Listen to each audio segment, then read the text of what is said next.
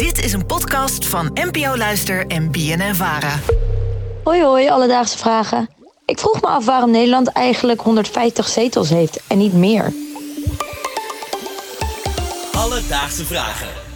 NPO Luister. Dankjewel Tessel voor het insturen van eh, je vraag. Aaron, wij eh, staan deze week natuurlijk eh, stil bij alles wat met politiek te maken heeft. Klopt. Maar dan wel op z'n alledaagse. Ja. We hebben in meerdere afleveringen het woord zetels nu wel gebruikt of horen vallen. Of dat komt er vast nog aan. Dus even checken hoe scherp jij er op dit moment in zit. Hoeveel zetels denk je dat er in totaal in Nederland te verdelen zijn? Dus dat zijn zowel de Eerste als Tweede Kamer bij elkaar opgeteld. Zeker. Nou, volgens mij zit het in de Tweede Kamer 150.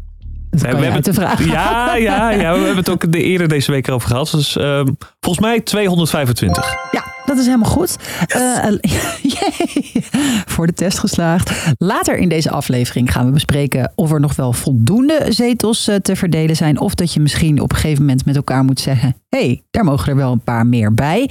Eh, maar eerst gaan we terug naar de vraag van Tessel. En om een antwoord te krijgen belden wij met Numidia Massaoudi, educatief begeleider bij ProDemos. En ProDemos is een organisatie die alles weet over de Eerste en Tweede Kamer. En aan haar vroegen we hoe de Kamer nou aan het huidige zetelaantal komt. De reden waarom er op dit moment 225 parlementsleden zijn, dus 150 in de Tweede Kamer en 75 in de Eerste Kamer, is omdat dat in 1956 is vastgesteld. En dat was door middel van een uh, initiatiefnota, een wijziging van een wet en dan ook nog een wijziging van de grondwet. Um, want het aantal parlementsleden staat ook geankerd in de grondwet. En vroeger was dat zo, en dan heb ik het echt over 1815 tot 1878, was het zo dat iedere vijf jaar het aantal werd gewijzigd. Want er was vastgesteld dat per 43.000 inwoners er minimaal één Kamerlid moest zijn. Uh, maar dat kon na 1878 niet meer. En dat had logistieke beperkingen, maar ook andere beperkingen. Dus daarom is het op dit moment 225. Oké, sorry. Heel interessant ten eerste, maar ook wat een ongelofelijke knullige reden. Ja, sorry, het gebouw zit vol jongens. Logistiek. Het kan niet meer. Ja. Uh, de Tweede Kamer heeft dus het dubbele aantal uh, als van de Eerste. En dit heeft te maken met de bevoegdheden en hoeveelheid werk per Kamer. Ja, de Tweede Kamer heeft nou eenmaal echt significant meer te doen dan uh, de Eerste Kamer. De hoeveelheid zetels werd dus in 1956 vastgesteld door middel van een initiatiefnota. En is toen gewijzigd in de grondwet. Dat betekent dat het nogal vast ligt. Ja, dat wordt, als we dat toch op een bepaald punt weer willen aanpassen, dan ja, moeten we flink wat parlementaire hordes nemen. Er wordt flink gesleuteld. Toch zijn er de laatste jaren heel wat mensen die pleiten voor meer zetels. Uh, zo ook Wim Voermans, die is hoogleraar staats- en bestuursrecht. En hij legt aan je uit waarom hij denkt dat er meer zetels bij zouden moeten.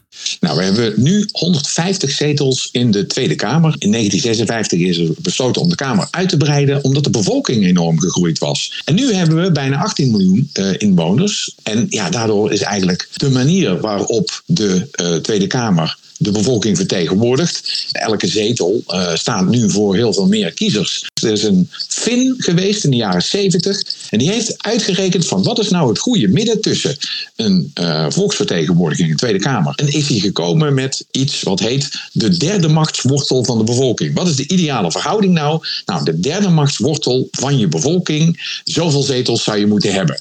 En dat zou in Nederland neerkomen op 226. Ik weet heel weinig van wiskunde en van wortels en machten en noem het maar op. Maar dit vind ik wel goed klinken. Ik zag je hoofd ook tollen tijdens de uitleg, Ja, maar wel ook ja knikkend. Ja. Uh, wat zijn volgens andere deskundigen nou eigenlijk de voor- en nadelen van meer zetels in die Tweede Kamer?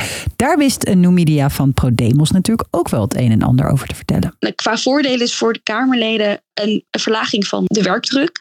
Als je 250 Kamerleden hebt die hetzelfde werk doen als 150, ja, dan kan je het in ieder geval verdelen. En dan kunnen Kamerleden ook zichzelf meer tijd gunnen. Een nadeel zijn natuurlijk de logistieke beperkingen. Maar een ander nadeel is des te meer mensen je hebt, des te meer mensen ook iets moeten zeggen, des te trager besluitvorming gaat. Alledaagse vragen. Oké, we hebben het in deze aflevering dus gehad over hoe het in Nederland ervoor staat en hoe het hier zit met de zetelverdeling. Maar hoe zit het eigenlijk in andere landen? Hebben die wel een betere verdeling of nog minder dan Nederland? Of Nou, Ik was natuurlijk hartstikke voorbereid op deze vraag, Aaron. Nou, dat vind ik fijn. Onze buurlanden, mm, België heeft exact hetzelfde aantal. Maar Duitsland heeft geen vast aantal Kamerleden. Um, dus dat is wel grappig dat per verkiezing een ander aantal Kamerleden zijn. Daar wordt het aantal Kamerleden bepaald aan de hand van het aantal mensen dat heeft gestemd. Dus dat is een heel ander systeem. Je hebt in Amerika, dat is een veel groter land. Die hebben ook volgens mij meer dan 700 uh, mensen in het Senaat. En dan ook nog House of Representatives. Dus bij elkaar uit mijn hoofd ongeveer 15, 1600 um, volksvertegenwoordigers. Maar in kleinere landen, in Luxemburg, heb je er ook gewoon veel minder, omdat er minder mensen zijn. Dus dat verschilt heel erg. Ja. Zo, als je het naar landgrootte zou moeten doen, met die som die we net hoorden, met allerlei wortels en tot de macht. Dat was een prima parlement hoor, in China of India. Ik of, wilde uh, net zeggen, er zitten makkelijk duizend mensen. Dus waarom hebben we 150 zetels in de Tweede Kamer? De hoeveelheid zetels is in 1956 door een initiatiefnota uh, vastgelegd in de wet en zit inmiddels ook verankerd in de grondwet. Daarvoor werd het elke vijf jaar gewijzigd. En de reden dat het dus op een gegeven moment is vastgelegd, heeft onder andere te maken met ja, logistieke beperkingen. Hoe saai dat ook is. Wat een beperkte regel. Ja, maar soms is het zo. Er zijn flink wat mensen die pleiten voor meer zetels. En misschien zijn de verkiezingen in november wel de aanleiding dat die verandering er misschien daadwerkelijk gaat komen. Heb je nou ook een vraag? Dan kan je ons een bericht sturen op Insta, Alledaagse Vragen. Of je kan ons mailen naar alledaagsvragen.bnnvara.nl. En dan uh, doen we wat, Aaron? Dan gaan we het voor ze uitzoeken. Precies. Alledaagse Vragen. NPO Luister. BNN Vara.